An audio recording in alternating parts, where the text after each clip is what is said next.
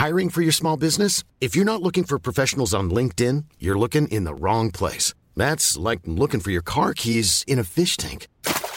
LinkedIn helps you hire professionals you can't find anywhere else, even those who aren't actively searching for a new job but might be open to the perfect role. In a given month, over 70% of LinkedIn users don't even visit other leading job sites. So start looking in the right place. With LinkedIn, you can hire professionals like a professional. Post your free job on linkedin.com slash people today. Many of us have those stubborn pounds that seem impossible to lose, no matter how good we eat or how hard we work out. My solution is PlushCare. PlushCare is a leading telehealth provider with doctors who are there for you day and night to partner with you in your weight loss journey. They can prescribe FDA-approved weight loss medications like Wagovi and Zepbound for those who qualify. Plus, they accept most insurance plans. To get started, visit plushcare.com slash weight loss. That's plushcare.com slash weight loss. Since 2013, Bombas has donated over 100 million socks, underwear, and T-shirts to those facing homelessness. If we counted those on air, this ad would last over 1,157 days. But if we counted the time it takes to make a donation possible, it would take just a few clicks. Because every time you make a purchase, Bombas donates an item to someone who needs it. Go to bombas.com slash ACAST and use code ACAST for 20% off your first purchase. That's bombas.com slash ACAST, code ACAST. Man skulle kunna säga att Helvina och Faye är våra alter egon. Men till vardags så går vi under Elin och Stella. Vi är två själsystrar som har blivit kallade att utforska universum. Vår podcast handlar om spiritualitet, självutveckling och magiska ting. Vi släpper ett nytt avsnitt varje söndag och du kan lyssna på oss där du vanligtvis lyssnar på poddar. Vi intervjuar fantastiska gäster och ibland så är det bara vi två med våra egna galna tankar. Välkomna till Helvina och Faye Podcast. Hej alla fantastiska lyssnare och varmt välkomna till Helvina och Faye Podcast. Det är Stella här och idag tänkte jag köra ett soloavsnitt. Idag så tänkte jag att vi skulle djupdyka i Tarons historia. Och den är ju mystisk to say the least. Jag eh, började connecta med tarot först nu. Jag tror det har ganska så mycket att göra med att jag började förstå mig på tarons historia. Jag har ju djupdykt ganska så mycket i detta ämne de senaste veckorna. Och det är så spännande, så fascinerande, så mystiskt och mycket, mycket mer komplext än vad jag någonsin trodde. Man ska inte se på tarot som en enkel kortlek, utan det är så mycket mer än det. Det är en hel vetenskap. Jag ska vara helt ärlig, jag var väl kanske lite rädd för tarotkorten innan jag verkligen började förstå mig på dem.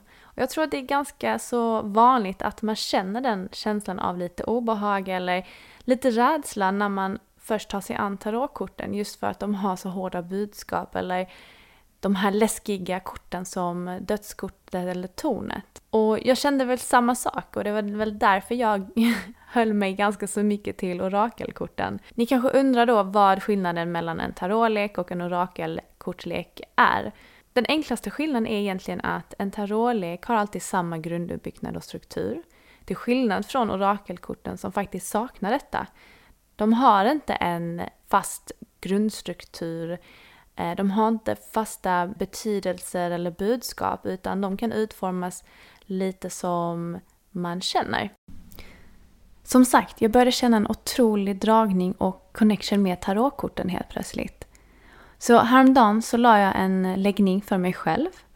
Mest för att se lite grann vad är det korten säger till mig? Hur uppfattar min intuition? Hur, hur fungerar det här samarbetet mellan mig och korten? Och jag gjorde en läggning för mig själv. Jag bör nämna att de korten som jag använder mig av det är just Rider-Waite-Smith-kortleken. Eh, Ehm, så det är den jag kommer hänvisa till när jag pratar om mig själv. Så när jag la ut den här äh, läggningen så tittade jag lite närmare på korten och jag fick faktiskt upp The Chariot. Och sen så tittade jag på The Wheel of Fortune av någon anledning. Och jag började se ett, ett gemensamt tema mellan båda korten. Båda hade egyptiska symboler. Så jag tänkte, det här, har ju, det här har jag aldrig lagt märke till tidigare. Och det var precis som att korten pratade med mig och sa Stella, det här är kopplingen vi delar. Den egyptiska tråden.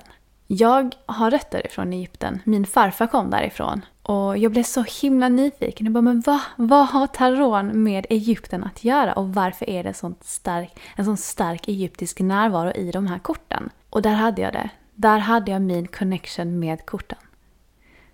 Men det jag bör nämna det är ju att det är inte bara egyptiska influenser man hittar i korten om man tittar noggrant på bilderna utan man ser astrologi, man ser alkemi, man ser kabbala, man ser element, man ser influenser från allt och från inget. Det är universellt. Man kan inte sätta fingret på det.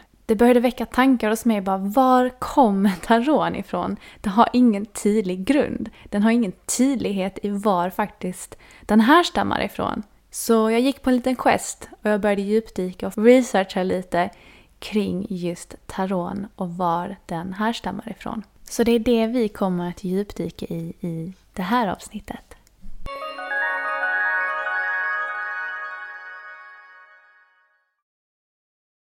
Om vi börjar med grunderna, vad är egentligen ett tarotdäck eller en tarotkortlek? En komplett tarotlek består av 78 kort och de delas in i vad som kallas Major och Minor Arcana, alltså stora arkanan och lilla arkanan. Och det här stammar ju från latin, så egentligen så står det för stora och små hemligheter. Och det kan man ju verkligen säga att taron har. Så mycket mysticism och så mycket hemliga meddelanden och symboler i de här bilderna. Stora arkanan består av 22 kort som också representerar 22 universella principer eller lagar. Det betyder att vi alla oavsett var vi kommer ifrån upplever och går igenom de här olika skedena i våra liv. Det finns alltså ett mönster i vårt sätt att växa och utvecklas här på jorden och det gäller oss alla. De 22 korten i Stora Arkana representerar arketyperna hos människan. Och den skildrar den inre resan och berättar om de stora lärdomarna i livet. Om ja, människans växande och strävan efter upplysning. Jag hittade faktiskt en text som jag tycker beskriver just de här arketyperna på ett sånt fantastiskt sätt. Så jag tänker att jag ska läsa den för er här. Ett sätt att lära sig korten i den stora arkanan är att se dem som en utvecklingsresa. Resan startar med Jokern, nummer 0, och slutar med världen, nummer 21. Jokern som kliver ner på jorden som ett kosmiskt frö vet ännu inte... Han vet ännu ingenting. Det gör honom full av livskraft och vandringsbenägen. Belöningen som kommer genom att på egen hand ta steget ut i det okända är växande. Han har ingen kunskap om livet än och det gör att hans packningar är lätt att bära. Han är ännu omedveten om vart han ska men står ändå inför sitt livs stora äventyr. Följ med Jokerns resa genom arketyperna i den stora arkanan. En resa från omedvetenhet till medvetenhet. I början av Jokerns resa får du möta flera grundprinciper på vilka det fysiska livet är uppbyggt. Magiken visar hur du med vilja och intention formar ditt liv. Dina tankar är styrande, så lär dig behärska tankens kraft. Överprästinnan möter dig med tystnad och uppmanar dig därmed att blicka inåt och att ta kontakt med dina känslor och din intuition. Det är inom dig alla svaren finns. Kejsarinnan överöser dig med moderlig omsorg och bidrar tålmodigt till din växt och skänker ditt liv med skönhet. Kejsaren lär dig vikten av struktur, ordning och ansvar. Överprästen undervisar om tro och tillit. Hans bidrag har en mer moralisk karaktär. Med de älskande tar du steget ut från hemmets trygga vrå och kliver in i skolans värld. Här får du lära dig om relationer och kanske om den viktigaste relationen av dem alla, den du har med dig själv. Som en äventyrlig tonåring mäter du dina krafter med vagnen och hittar ditt inre mod med styrka. När tonårstidens prövningar är på väg så är det dags att byta ut tonårslivet mot vuxenlivet. Och det hjälper eremetiten dig att reflektera över dina lärdomar, över ditt liv och dig själv. Det liv du hittills levt har formats av dina föräldrar, av din skola och samhället du vuxit upp i. Men hur vill du leva? Vem är du? Ödeshjulet sätter igång nästa fas i ditt liv för att det är det som är meningen att fullbordas för att du ska kunna komma närmre. Följ din egen sanning, uppmanar rättvisan dig. Men det är inte så enkelt konstaterar du och du går in i introspektion tillsammans med den hängde. Beslutsam om att lämna gammalt bakom dig vandrar du vid sidan med döden ett tag. Släpper taget om gamla föreställningar och njuter av lugnet och harmonin efter med måttfullhet. I sökandet efter ett mer fullkomnat jag slår du in på upplysningens väg. I sanning och passion vandrar du hand i hand med djävulen, men han utmanar också dina mörkersidor och ditt ego. Tornet låter dig som inte längre är sant falla i spillror och i dammet av det som raserats kommer stjärnan med nytt hopp. Månen med ny medvetenhet och solen med nytt inre ledarskap. Att förlåta är att komma vidare visar yttersta domen och när du gör det släpper all karma. Världen som du en gång var en del av innan du som ett kosmiskt frö steg ner på denna jord i Jokens kropp, den har aldrig lämnat dig. Du har alltid varit en del av helheten och nu är det dags att återväcka det fullkomnande jaget. Välkommen hem. Den texten tilltalade mig så mycket för den, det var som en berättelse genom de här arketyperna. Och det är verkligen en berättelse om livet och det vi går igenom som människor. Så det är det den stora arkanen egentligen handlar om. Det är ju den karmiska cirkeln, livet och stigen vi vandrar. Vissa hävdar att Tarons arketyper har en väldigt stark koppling just med de tolv arketyperna som Carl Jung myntade. Carl Jung ansågs vara psykoanalysens fader.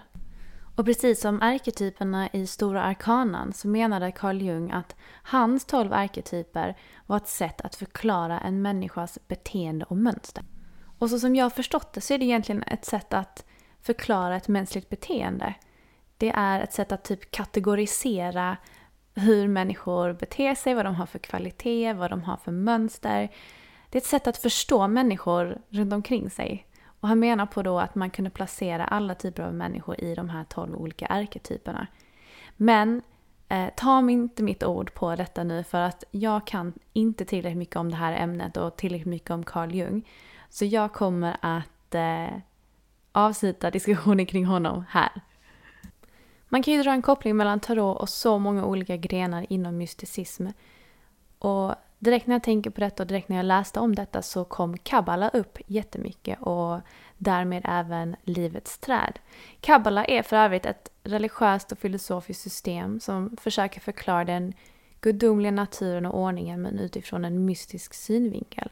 Och inom det så hittar man då livets träd och det är egentligen en symbol i kabbala som pratar om 22 olika vägar till upplysning. Och här börjar man ju verkligen se ett mönster. Och det är ju siffran 22. Det dyker upp lite här och var. Man säger det att kunskapen kring taron har troligen överlevt genom muntlig tradition som har blivit passed down helt enkelt då eh, bland annat genom de här mysterieskolorna som har funnits genom tiderna. Tänkt att under medeltiden så kom korten till Europa antingen med resande folk eller tempelriddare eller, eller liknande. Mysterieskolor, som jag har förstått det så är det ju som ett, um, det är som ett universitet i den antika världen.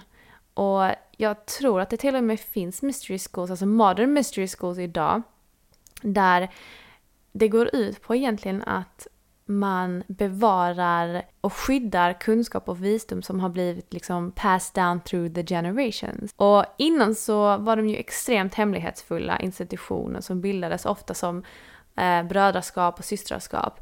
Och jag drar lite koppling när jag tänker på detta som till eh, frimurarna. Eh, jag kan ha fel i det, men det är lite så den bilden jag får i mitt huvud. Men jag kommer återkomma till temat mysterieskolor lite längre fram i avsnittet. Men nu har vi pratat lite kring den stora arkanan. Eh, nu är det dags att övergå till lilla arkanan. Och den består ju då av 56 kort och den är uppdelad i fyra sviter. De här fyra sviterna består av svärd eller swords, bägare eller cups, stavar eller one och pentagram eller pentacles.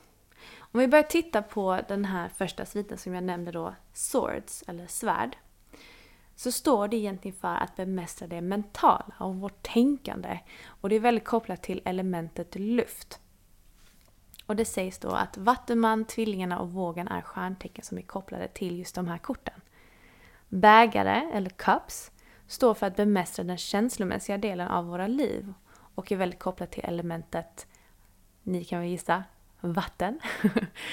um, och därmed fiskarna, kräftan och skorpionen. Stavar, eller wands, står för att bemästra det andliga, intuitiva och våra visioner för framtiden. Och här hör elementet eld till. Och därmed lejonet, väduren och skytten. Och sist då men inte minst, pentagram eller pentacles står för den fysiska och den yttre materiella världen. Och här kopplas man till elementet jord och därmed stenbocken, jungfrun och oxen. Det som är mest bevisat när det kommer till just tarots ursprung, det är egentligen att det här leder tillbaka till renässansens Italien och Frankrike i början på 1400-talet. Och under renässansens tid så kunde man se att konstnärerna började integrera hermetiska visdom in i sina konstverk. Det sägs att renässansens konstnärer tog mycket inspiration ifrån de egyptiska hieroglyferna men avbildade dem i en mer europeisk stil. Nu droppar jag ganska så många olika begrepp här och jag är absolut inget proffs på detta, ska jag bara tillägga. Så som jag har förstått det, om vi återgår till det här ordet som hermetism, Ehm, det är också en gren inom mysticism och det är ju också en religiös filosofisk lära som hävdar att dess rötter går tillbaka till forntida Egypten. Och den går ut i grunden på att hela universum egentligen härstammar från en gudomlig singularitet. Och denna lära tillsammans med dess skrifter dateras tillbaka till århundraden före Kristus. Och de överlevande texterna som härstammar från just den här läran kallas för de hermetiska skrifterna. Jag hoppas verkligen att jag uttalar det på rätt sätt. Det som bör kännas till är att de här hermetiska texterna försvann under medeltiden i samband med just att eh, den här västerländska kulturen började växa fram. Men det finns några som kvarstår tydligen. Och dessa skrifterna upptäcktes på nytt och blev under renässansen kända i just Italien. Och dessa skrifter är ett verk innehållandes okulta och filosofiska ämnen som tillskrivs den egyptiska guden Thoth. Och Thoth är ju en gud vi kommer prata ganska så mycket med, inte med, men om, när det gäller just tarotkorten. Man börjar ju redan här se att en koppling börjar formas mellan renässansen och då vad man säger är tarons eh, begynnelse tillsammans med hermetistisk filosofi som faktiskt då grundar sig på forna Egyptens ja, men gamla lärdomar och, och visdom. Vissa forskare hävdar att bilderna som används på tarotkorten baserades på forntida egyptiska böcker om visdom. Och en bok som jag började se dyka upp mycket i just sammanhanget om tarot var boken om Thoth. Och boken om Thoth var ju någonting som man verkligen tog hand om och ville bevara när det kom till just läran i mysterieskolorna. Det fanns till och med dedikerade mysterieskolor just till Thoth. Men vem var han och varför var han så speciell? Thoth var ju den fornegyptiska guden av visdom. Och det sägs att hade det inte varit för honom så hade vi inte utvecklat till exempel språket eller skriften. Thoth sägs ju ha skrivit en bok, boken om Thoth. Men det är en bok som sägs innehålla två trollformler, varav den ena gör det möjligt att förstå djurets tal och den andra gör det möjligt för läsaren att uppfatta gudarna själva. Guden Thoth är ju verkligen ett återkommande tema när man börjar djupdyka om taron. Man hittar kopplingar till honom på massa olika sätt och vis. Och det är till och med en hel del tarotdäck som har helt baserats på hans lära. Ett känt namn inom just det okulta och taron, det är ju just Ettila, eller Ettea. Jag vet faktiskt inte exakt hur man uttalar det, eller hur man uttalar hans namn. Ehm, men han var ju en, eh, en okulist ifrån Frankrike och levde på 1700-talet. Och han var faktiskt den första personen som, som gjorde tarot lite grann till ett yrke. Han var den första som verkligen började livnära sig på att läsa tarot och spå andra. Och eh, det som han gjorde som var så häftigt var ju just att han tog fram en väldigt känd tarotlek som kallades Book of Thoth och var alltså baserad på då den här boken. Alltså ni måste verkligen googla den här kortleken för den är så magiskt vacker. Och det är så sjukt vad det är för alltså alla de här synkroniciteterna som sker.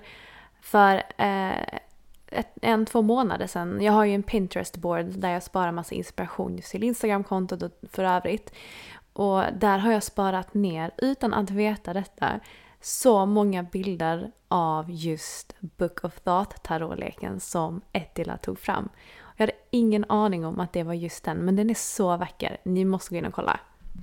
Ett annat jättevälkänt namn just inom det okulta och och tarot och forna Egypten och kopplingen däremellan är någon som kallas för Antoine Corde de Och jag vet inte alls om jag säger det rätt eller inte, men det får vara så nu. Och det sägs att han påstod att tarons ursprung kunde spåras tillbaka till forntida Egypten och att korten kanske var en representation av just den här Book of Thoth. Han hävdar just det, att han hade upptäckt de här ledtrådarna till tarotdäckets verkliga ursprung. Och varför trodde han det? Jo, han påstår då att den här Book of Thoth var, som jag har förstått det, don't quote me on this, som jag har förstått det, så menar han på att Book of Thought var då utspritt på 78 lösa blad. Och det är just siffran 78 som blir intressant i det här begreppet.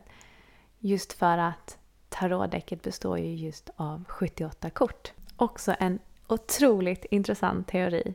Var är då den här Book of Thoughts? Det är ingen som vet. Man vet inte ens om den existerar. Men det finns ju lite olika ja, men, roliga berättelser om just vart den tog vägen. Och vet ni vad? Den sägs faktiskt ha gömts längst ner i Nilen nära Koptos. Och där är den inlåst i en serie lådor och den är skyddad av ormar tydligen. Vet inte hur faktaenligt det här är men eh, jag tyckte det var väldigt roligt att läsa om det. Eh, det som skedde då egentligen var att den egyptiska prinsen Neferkapta bekämpade ormarna och hämtade boken, för att han ville väl också ta del av den här informationen I guess. Men som straff för hans stöld från Toth så dödade gudarna hans fru och son. Och Neferkapta begick självmord och begravdes tillsammans med boken. Jag ska säga en sak och det är att jag är övertygad om att forna Egypten och de fornegyptiska personerna, vem de nu var, jag är övertygad om att de var aliens. Eller att de samarbetade med aliens. För på något sätt så det går liksom inte ihop i mitt huvud hur de skapade till exempel pyramiderna och jag tror att det här är definitivt någonting som är ett frågetecken hos väldigt många. Men jag läste en ganska så intressant sak. Och det var egentligen att eh, det sägs att de forntida egyptierna, att de samarbetade med ancient astronauts, Eh, på svenska är det väl forntida astronauter. Och det finns en idé att intelligenta utomjordiska varelser besökte jorden och tog kontakt med människor i antiken och förhistorisk tid. Och anledningen varför de gjorde det, det var just för att hjälpa till och driva på utvecklingen av mänskligheten. Och inte bara det, men moderna kulturer och tekniker, religioner och mänsklig biologi. Och det finns en gemensam ståndpunkt i detta och det är ju egentligen att gudarna från de flesta, om inte alla, religioner är utomjordiska i sitt ursprung. Den här avancerade tekniken som fördes till jorden av de här forntida astronauterna tolkades just som bevis på gudomlig stat. Och bara för att dra en parallell till just flerdimensionella och intergalaktiska gudar så hörde jag att när solguden Ra kom ner till jorden, för det gjorde han ganska mycket tydligen, enligt historieböckerna. När han kom ner så var det han som formaliserade de här arketyperna. Om man skulle gå tillbaka då och hänvisa tillbaka till den stora arkanan. Men som sagt, det är bara en parentes. Jag hittade inte så mycket information om det men jag tyckte ändå det var en intressant detalj att ha med. Men just aliens och forntida astronauter tycker jag att vi sparar till ett annat avsnitt. Men om vi backar bandet lite grann och återgår till just renässansen. Det var egentligen på renässansen man kan eh, så gott som bevisa att taron hade sitt ursprung ifrån. Och det är väl där man har hittat flest eh, underlag för att detta faktiskt skulle ha varit en sanning. Så på 1300-talet så skapade eh, Jacques Gringoneur ingen aning om jag uttalar hans namn rätt. Men han var en astrolog och han var även en kabbalist. Ehm, men vad han gjorde var att han skapade tre kortlekar för att roa den franska kungen Charles den sjätte. Och detta står faktiskt noterat i en inventarieförteckning från det franska hovet. Så att eh, det ska vara sant. Men det som är lite osäkert det var ju faktiskt om det, om det faktiskt var tarotlekar eller om det var någonting annat, någon annan typ av kortlek. Eh, och det är också lite oklart om det var tre fullständiga lekar eller om det var en fullständig tarotlek som var uppdelad i tre delar. Eh, alltså stora arkanan, lilla arkanan och hovet då. Alltså kungen och drottning och eh, riddare och sådär. Och den här uh, kortleken, om jag inte missminner mig, kallas för Marseille-leken. Och jag tror att detta är den äldsta bevarade tarotleken i historien. Och det jag läste var att det faktiskt bara finns 17 kort bevarade av denna lek. Um, och de är beskyddade och placerade på Bibliothèque Nationale i Paris. Men de här korten innehåller ju just symboler både från astrologin och kabbala. Och på grund av vissa detaljer på korten finns det teorier om att det har skapats efter ett original som härstammar ända från 1100-talet. Men alltså ingen vet egentligen 100% hela tarotens historia. Det finns bara så sjukt många olika teorier. Som jag nämnde, man vet inte ens med all säkerhet vart ordet tarot kommer ifrån. Men troligen så härstammar det från ett väldigt populärt spel som kallades för tarotchi. Och detta spelade man väldigt mycket under 1400-talet. Men då var tarot bara ett kortspel och inte ett verktyg för att så kallat förutsäga framtiden. Utan den användningen kommer ju först under sent 1700-tal. Och det finns en latinsk ordramsa som lyder Rota taro orat ator. Och det betyder Julen i tarot talar Ators lag. Och här har vi en egyptisk koppling igen. För Ater var nämligen också en egyptisk gud. Alltså, det är så mycket kopplingar till Egypten. Jag tänker att jag håller det där med historiasnack. Jag kommer ha väldigt många fler avsnitt om just tarot för att det är ju något som håller på att väckas inom mig, den här tarot, min tarot-DNA. Men eh, jag vill inte förvirra er med för mycket olika begrepp för jag känner att jag har slängt ut ganska så mycket sådana saker idag. Um, och det, det, det, är inte så enkelt att prata om just historia utan att prata om um, olika filosofier och religiösa sammanhang. Det absolut bästa hade ju varit om jag kunde få med en historiker eller en egyptolog eller någonting med i podden. Det hade ju varit så fantastiskt. Så jag hade kunnat få ställa alla de här frågorna som jag faktiskt har och få mer vetenskap och, och, fakta ifrån någon som faktiskt forskar i dessa ämnen. Det hade ju varit helt amazing! Så jag ska se om jag kan få till det någon gång i framtiden. Det hade ju varit så jävla häftigt. Som sagt, om du ska börja använda tarot, precis som jag har lärt mig nu, så handlar det om att du ska connecta med dina kort. 70% av en läsning inom tarot ska ju utgå ifrån vad din intuition säger och vad din magkänsla säger. För det är där sanningen egentligen ligger. Jag tänkte avsluta med att dela med mig av mina absoluta favorittarotkortlekar. Som sagt, jag är fortfarande en newbie när det gäller detta. Men om inget annat så är de otroligt vackra. Så jag vill jättegärna dela med mig av det. Såklart så har jag ju The Original Rider Waite Smith-däcket eh, hemma. Och jag tycker nästan det är ett must have. Jag tycker nästan att det är det, den kortleken man ska börja med. Mest för att den är så universell, den är så um, använd och den är och det finns så mycket information kring den. Och det finns ju en anledning varför det är så många som har connectat med just den. Den är ju helt magisk. Sen en annan som jag verkligen har fått upp ögonen för, som jag nästan tycker är en av de absolut vackraste kortlekarna jag har sett, kallas för The Golden Universal Tarot. Och den är också uppbyggd på just Rider Waite Smiths eh, uppsättningen. Fast den har en annan färgsättning och den har så här och den är guldfolierad. Alltså den är så jävla vacker. Golden Universal Tarot. Jag kommer länka dem i beskrivningen så att ni själva kan gå in och eh, leta upp dem på internet ifall ni vill klicka hem ett par egna tarotkort. Och sen de sista som jag verkligen älskar kallas för Tarot Art Nouveau. Och eh, ah, de är så vackra bara, ni får googla dem. De är så himla fina också. Tack så jättemycket för att ni har lagt tiden på att lyssna på det här avsnittet. Jag hoppas att ni har lärt er någonting. Och är det några andra frågor ni har just kring eh, Tarons historia eller om ni har någonting själva ni kan dela med er av just kring det här ämnet så snälla dela med, med er av det till mig. Jag vill så gärna veta och jag vet att Elin också vill jätte, jättegärna veta. Så om inget annat så hörs vi nästa söndag. Om ni vill komma i kontakt med oss så får ni jätte, jättegärna nå ut till oss på antingen Instagram där vi kallas Elvina.fej eller så kan ni mejla oss på helvinafej.gmail.com och där kommer ni 100% enklast i kontakt med oss. Men tills dess mina små älsklingar, ha en underbar söndag. Puss på er, ha en magisk fortsatt dag. Puss och kram!